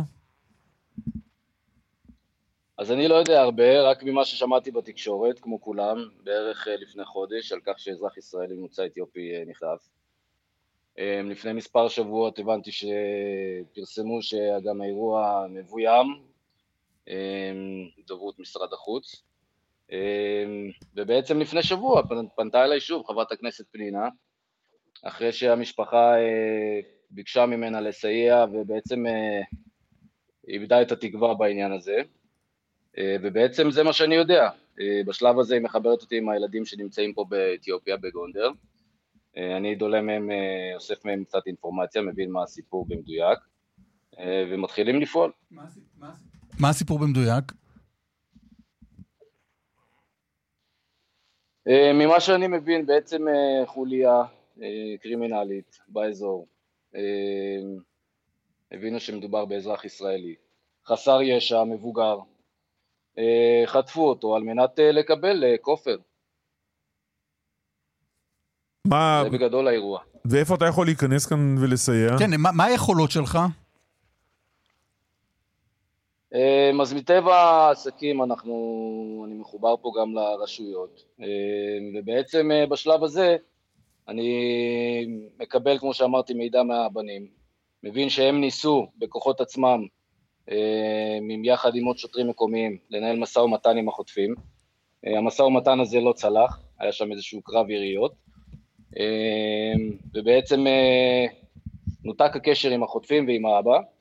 בשלב הזה אני בעצם מאמת את המידע הזה עם הרשויות פה, מבין שאכן היה מקרה כזה, אה, ומבין שהזמן הוא קצר, מה שנקרא, וחייבים לפעול.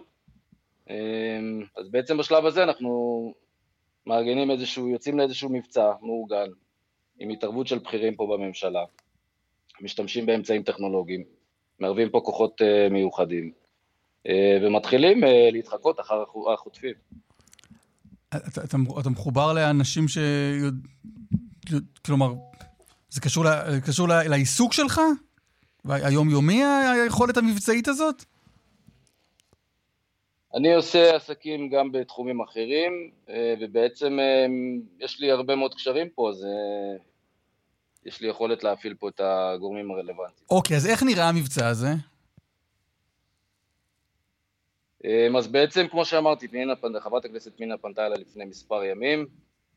אה, אני יצרתי קשר עם המשפחה, קיבלתי את כל האינפורמציה, ובעצם ב... כשמתחיל המבצע, בערך לפני יומיים, שלושה, ליתר דיוק, אנחנו מתחילים מעצרים בשלב ראשון של כל הקרובים של אותם חוטפים, קודם כל מבינים מי החוטפים, מבצעים מעצרים. אתה אומר, אנחנו מבצעים שוט- מעצרים, לא אתה מבצע מעצרים. הכוח- הכוחות המיוחדים פה של הממשלה. שאתה אה, בעצם, שאתה. בעצם סוג של המפקד שלהם בשלב הזה?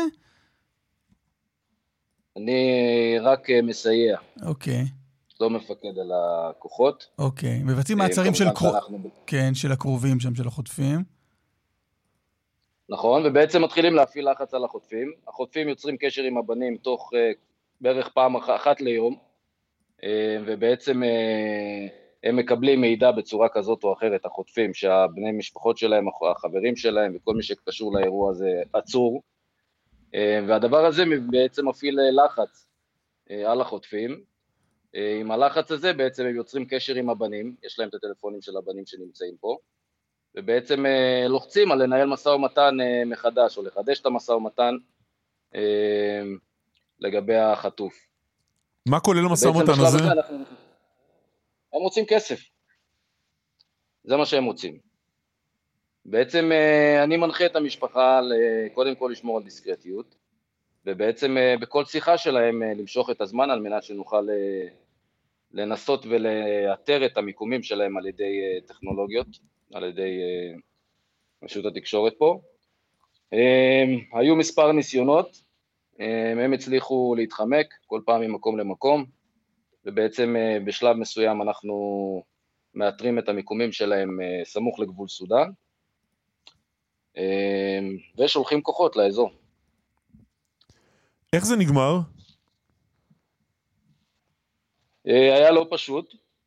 אה, כמו שאתם מבינים, מדובר בתא שטח מאוד גדול, אה, שצריך שם לבצע סריקות אה, נרחבות.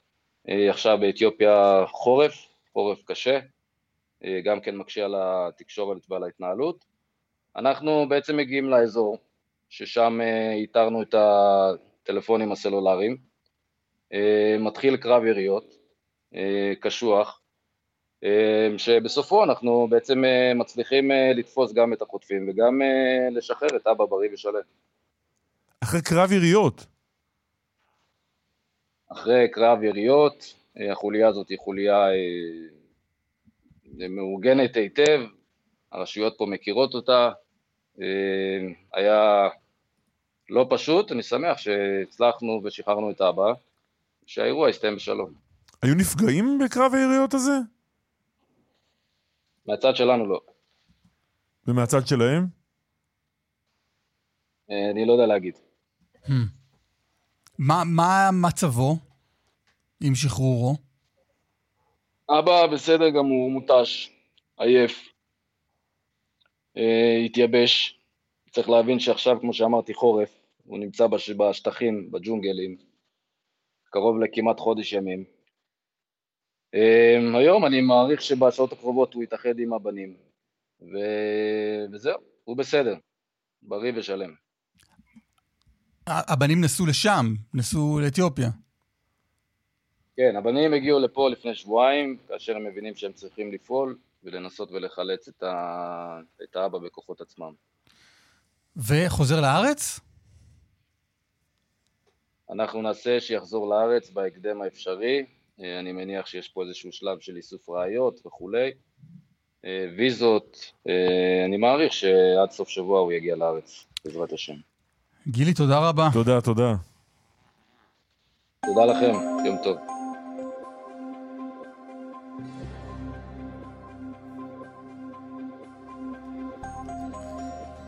לא בלתי מעניין. ממש. בדרך ירושלים תל אביב עמוס ממחלף שפירים עד קיבוץ גלויות, באיילון צפון עומס תנועה ממחלף חולון עד השלום, דרומה מגלילות עד ארלוזורוב.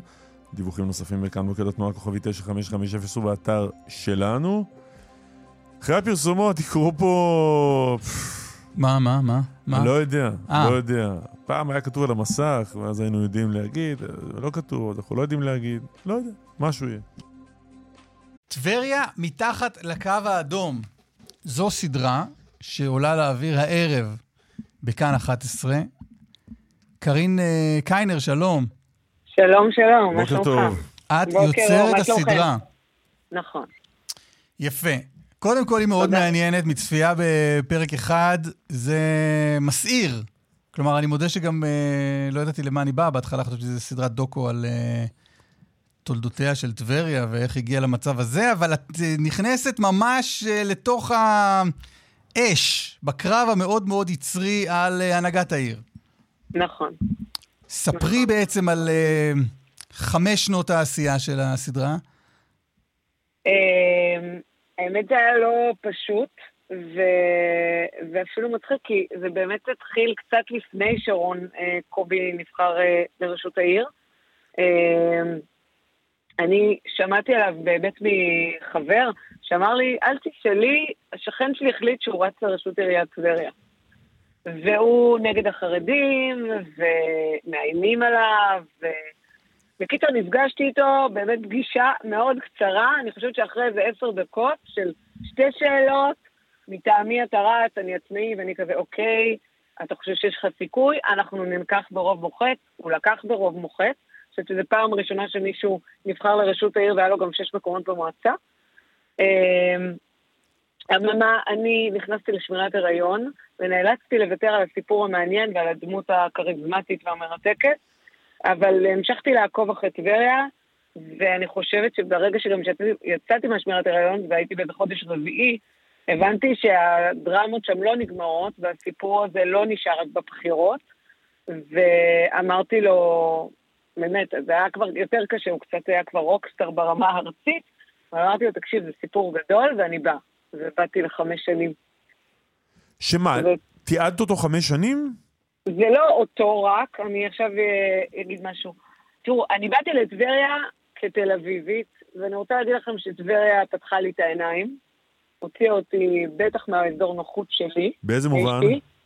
במובן של... אה, אה, מבחינתי, באופן אישי, אני לא רוצה להעיד על הכלל. אני זה ניתת לי בועה כלשהי, ובטח כל מיני אמיתות אבסולוטיות שאני חיה איתן גם. אני חושבת שטבריה פתחה לי את העיניים באופן אישי לגבי כל מה שקורה, כאילו, בארץ, ואני יודעת שהרבה פעמים רון אמר, טבריה היא מראה של ארץ ישראל. אני חושבת שהוא צודק. אני חושבת ש... אנחנו... לא, אבל תסבירי רגע, כולנו ממה- הופתעת? אה, אני חושבת... את גם באה מטבריה, נכון? אני לא טבריינית, אני תל אביבית. אה, כל הזמן אה, כן. הציגו אותך כילידת טבריה. לא, אני לא? לא ילידת לא טבריה, אני. ילידת תל אביב. אוקיי, אפילו סבא וסבתא שלי מתל אביב. בסדר גמור. גם- גם- גם- גם לכאלה יש מקום בחברה הישראלית. כן. אז מה מה זה ניפץ הצד לך? השני שלי ייסד מושבים, אז זה בסדר. יש אוקיי. כמה- יש כמה צדדים. אבל הגעת לטבריה, ו- ומה מה- ממה הופתעת? אני חושבת שהופתעתי, תראו, אני באתי בעצם לספר סיפור במסגרת הפוליטית שלו, באמת, זה התחיל עם רון קובי, אה, אחר כך באמת הכרתי גם עוד, עוד אה, אנשים בטבריה, שאחד מהם בעצם הפך להיות הגיבור השני של הסיפור, וזה שמעון כהן שהוא פעיל ש"ס, אה, היום הוא ראש מטה ש"ס טבריה, ואני חושבת שקודם כל, אני באמת מוקירה את הדלת שפתחו בפניי. זה לא מובן מאליו לקבל אה, כזה access לתוך עולם שלם, ובטח שיש שני צדדים, ואני חושבת שבאתי להקשיב, ובאתי להסתכל גם מהצד, בטח שאני באה מהצד, ובוא נתחיל שגם אם זה במסגרת פוליטית, בסופו של יום, הטבריאנים, שהם אנשים מאוד מאוד חמ... אה, חמים, אני חושבת שהם באו להילחם על הבית שלהם. וגם אנחנו היום מוצאים את עצמנו נלחמים על הבית שלנו. אז הוא בא כדי לשמור על הצביון אה, החילוני ולהחזיר את טבריה של פעם שגדלנו עליה, שזה טבריה של אה, חופשים ו, וחופים מדהימים, ובאמת פאר, פארקי מים באמת הראשונים שהכרנו גם, נראה לי, מכל הכיוונים, היחמי טבריה. הצד השני, יש בטבריה 44 קברי צדיקים. אז יש כאן כל- מיני צדדים. בסך הכל, בסופו של יום, אה, החרדים בטבריה הם 20 אחוז מתוך כל האוכלוסייה, אבל אה, זה הכיוון ש... אה, אני לא יודעת אם. זה הכיוון שזה הולך אליו, אבל אז זה זה הסיפור. הסדרה הערב בכאן 11. תודה רבה, קארין. תודה לכם. דיווחי תנועה.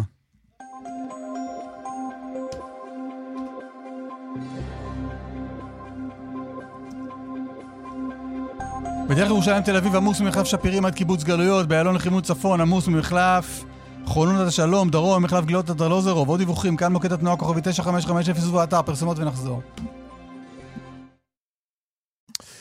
ורד פלמן, שלום. כן, בוקר טוב מה את לכם. מספרת לנו?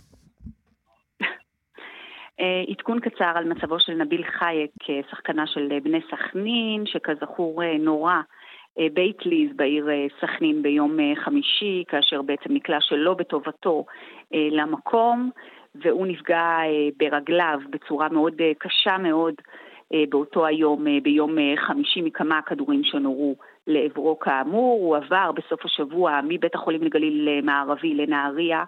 אה, בנהריה, סליחה, להדסה עין כרם, והבשורות הטובות שיש בידינו הוא שבעצם אה, העירו אותו מההרדמה אה, כבר אתמול במהלך היום. הוא אינו עדיין יכול לדבר בצורה מאוד טובה, הוא קצת מעורפל, חלש עדיין, אה, אה, אה, מהמצב שלו לאחר שעבר אה, ניתוח מאוד מורכב במהלך השבת, ואביו מספר לנו שכרגע גם הרגל שלו יצאה מכלל סכנה, הייתה סכנה לכריתת הרגל, והוא יצא כאמור מכלל סכנה גם גופנית באופן כללי, וגם מהרגל שלו, וכאמור הוא חזר להכרה, נדרשות עוד, נדרשים לו עוד ניתוחים אורתופדיים שונים בהמשך, אבל כאמור הוא בהכרה, חלש, אבל מצבו הרבה הרבה יותר טוב, המשפחה מאוד מעוד- מעודדת אה, מהמצב, וכאמור הוא בהכרה. נאחל לו בריאות.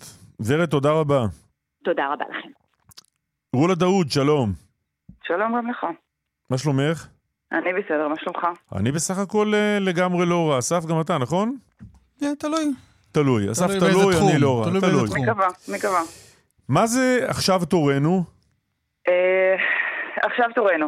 זו בעצם אה, יוזמה של צעירים וצעירות אה, עם אה, קריאה מאוד מאוד רחבה, שקוראת לצעירים ונשים לבוא לתוך היוזמה, להצטרף ליוזמה הזאת, שהמטרה שלה היא בעצם להצמיח הנהגה חדשה. היוזמה הזאת הגיעה עכשיו, כי אנחנו בעצם נכנסים לפוליטיקה של הבחירות המקומיות, ואנחנו יודעים טוב מאוד שבבחירות המקומיות יש לנו איזושהי עוררות גם כן בתוך החברה הערבית. היוזמה הזאת אומרת דבר מאוד מאוד פשוט. אה, שאנחנו כאן, אנחנו דור צעיר, אנחנו דור עם הרבה הרבה הישגים, למרות כל הקשיים שיש מסביב, ובגלל כל הקשיים שיש מסביב בשנים האחרונות, אנחנו רוצים להצמיח הנהגה חדשה שמתחילה בתוך היישובים שלנו, ולאט לאט מצליחה בעצם להגיע למקומות יותר ארציים. אז עוד רגע, אז רולו, אנחנו- עוד רגע נדבר על איך עושים כן. את זה, אבל זה אומר שהנחת היסוד שלכם היא שההנהגה הנוכחית עכשיו ביישובים הערביים לא טובה. כן, כאילו זה הנחת יסוד וזה גם עובדה. אי אפשר, אה, אי אפשר לא. להתווכח בזה. אנשים. מצביעים, מצביעים עבור האנשים האלה, אז זו, זה לא עובדה, זו, זו, כנראה יש כאלה שחושבים אחרת. למה, למה, למה המצב לא טוב במובן הזה? אמ, למה צריך להחליף אותם?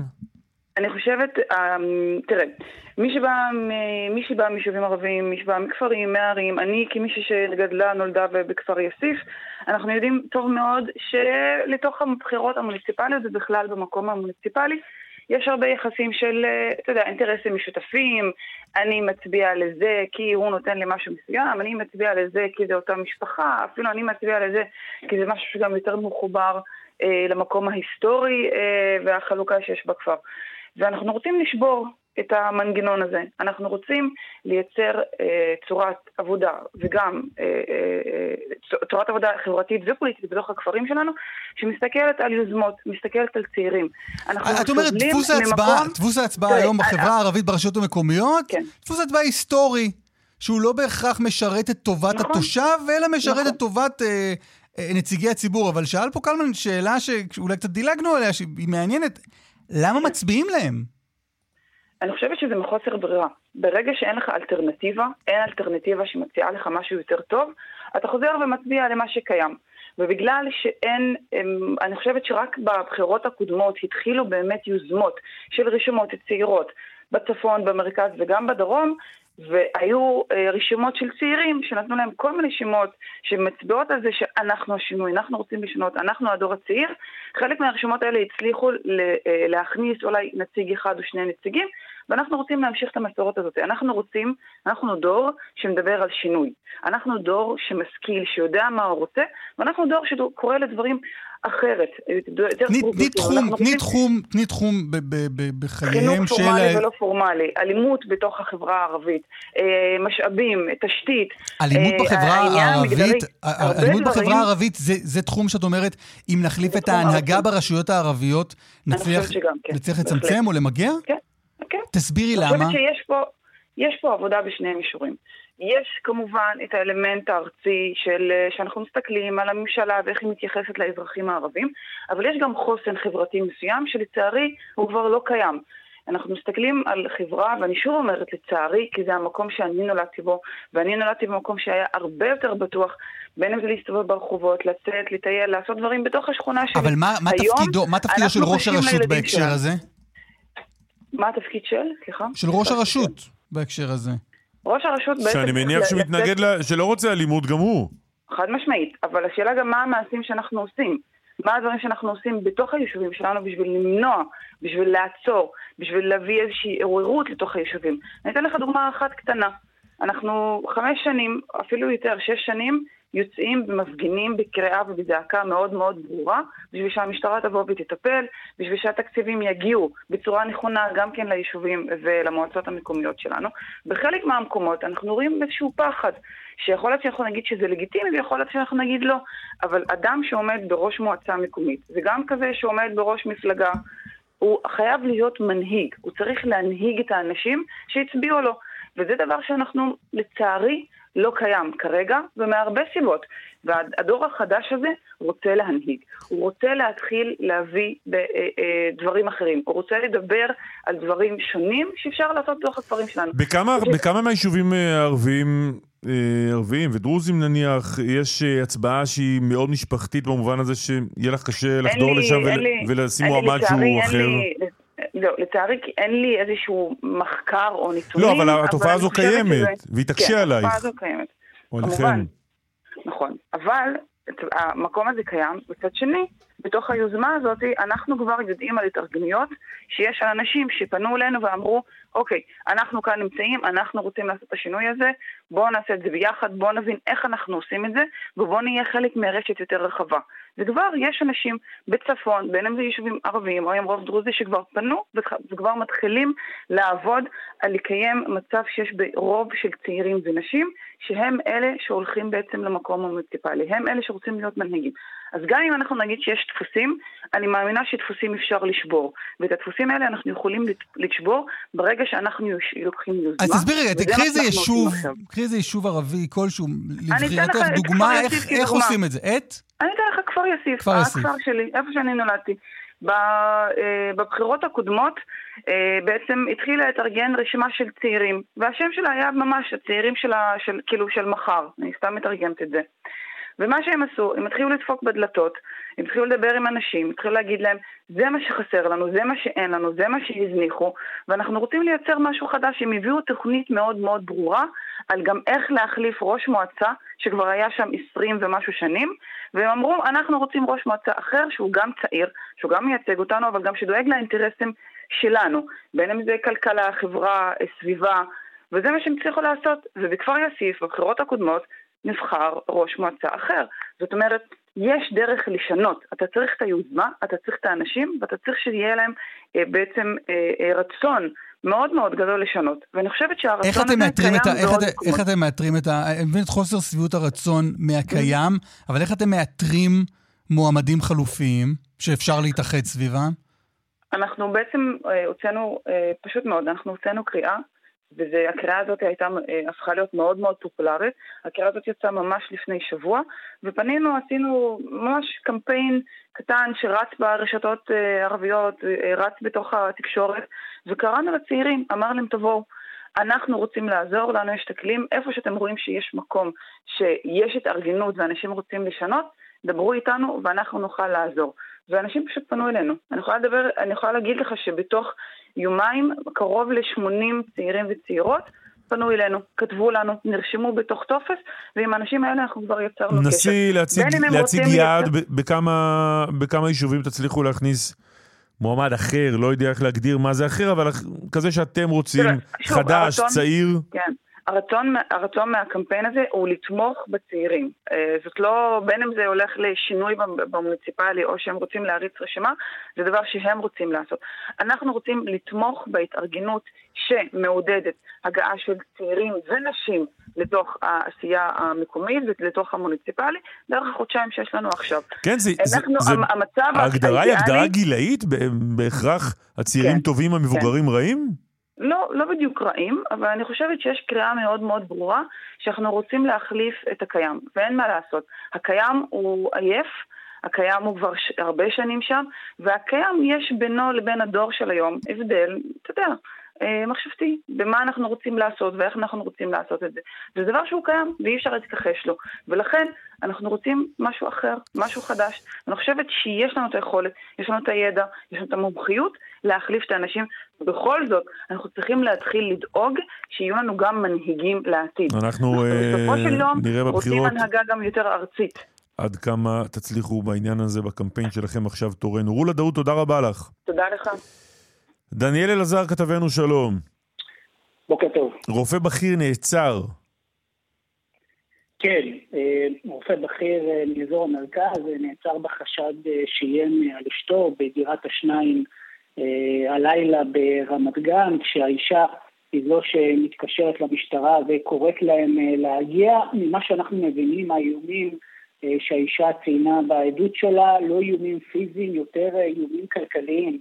על כך שבמשך שנים, כך אה, היא אמרה גם אה, בעדותה, הבעל אה, ציין בפניה שהיא לא תוכל להשתמש בכסף המשותף של השניים, לא תוכל להיפגש עם משפחתה, והיא מבחינתה רצתה לשים לזה סוף, התלוננה למשטרה, ואותו רופא בכיר בן אה, 47 מאזור המרכז נעצר, הוא יובא במהלך היום להארכת מעצרו בבית משפט אה, השלום בתל אביב. כשאנחנו ככה מפשפשים אה, ברשת, רואים דווקא תגובות אה, מאוד אה, אהודות אה, על אותו רופא, בין היתר אחד הגולשים כתב שמדובר באיש נעים הליכות, מקצוען, שניכר ביכולת בין אישית יוצאת דופן לדבר, אז לא בטוח שזה מה שהיה לפחות לפי התלונה של האישה, הוא כאמור נעצר ויובא בהמשך היום להארכת מעצרו.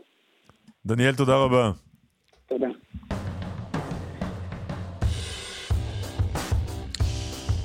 שלום כותב בטלגרם שלנו, צריך צמד שיחליף את הגשש, קלמן ליברמן, מה זה שיתוף פעולה אחד משלים את השני, וואלה תעשו סטנדאפ. לא הבנתי אם הוא לועג לנו או מפרגן. לא הבנתי. גם אני לא. אה, נראה לי מפרגן. יויס. לא. שואל אסף כמה קילומטר אתה רץ ביום וכמה דקות לקילומטר. בוא, בוא גם תיכנס לי לצלחת ותשאל אה, מה, מה התפריט שלי ומה אני אוכל. ו... מה אתה אוכל, אגב? תלוי מתי. תלוי מתי. בארוחות, מה זה מתי? באר- בארוחות לא, אני... כי בין הארוחות אני יודע מה אתה אוכל, כן, בארוחות אני אני נמצא אוכל, פה. בארוחות אני אוכל לא אוכל. אמ, אה, מישהו פה כותב, קננבול, אותו קננבול, וואו, הוא כותב הרבה, או היא.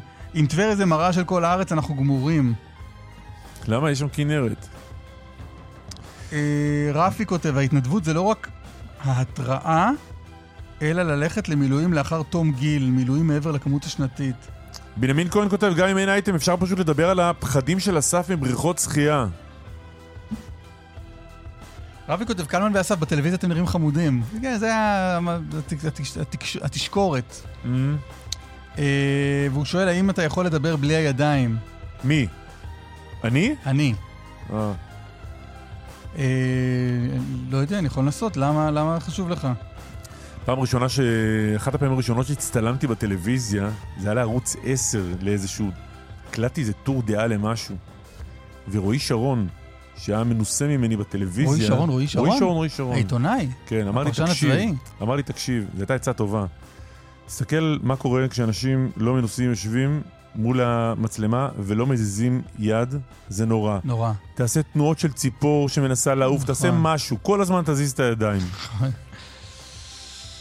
אמ, מאז. אני מזיז את הידיים בלי הפסקה. מה עוד? מישהו אומר פה על אחד הרעיונות שהיה רעיון אה, משעמם. באמת? כן. הוא אומר את זה כדי לפרגן או... כן, כן, כן, בקטע טוב. בקטע טוב. תודה. טוב, בסדר. אה, אתה תמשיך לקרוא תגובות, אני בינתיים אגיד תודה אה. מישהו פה כותב, אה, לא הבנתי מה פלילי בסכסוך של הרופא עם אשתו, זה עניין כלכלי, לא? כאילו, אם אתה מאיים על אשתך שהיא לא תוכל אה, להשתמש בכסף, אז... אה, כן, זה, זה לא נשמע רק לי- עניין נשמע לי כלכלי. קצת פלילי. כן. איתמר דרוקמן ערך, הדס סיוון הפיקה, נויה משיח ודני רוקי היו טכנאי השידור, חגית אלחיאני הייתה על דיווחי התנועה. אחרינו, סדר יום עם תמר אלמוג. תמר אלמוג? תמר אלמוג. עד אז אסף ליברמן, תודה רבה לך. קלמן ליבסקין, גם לך, תודה.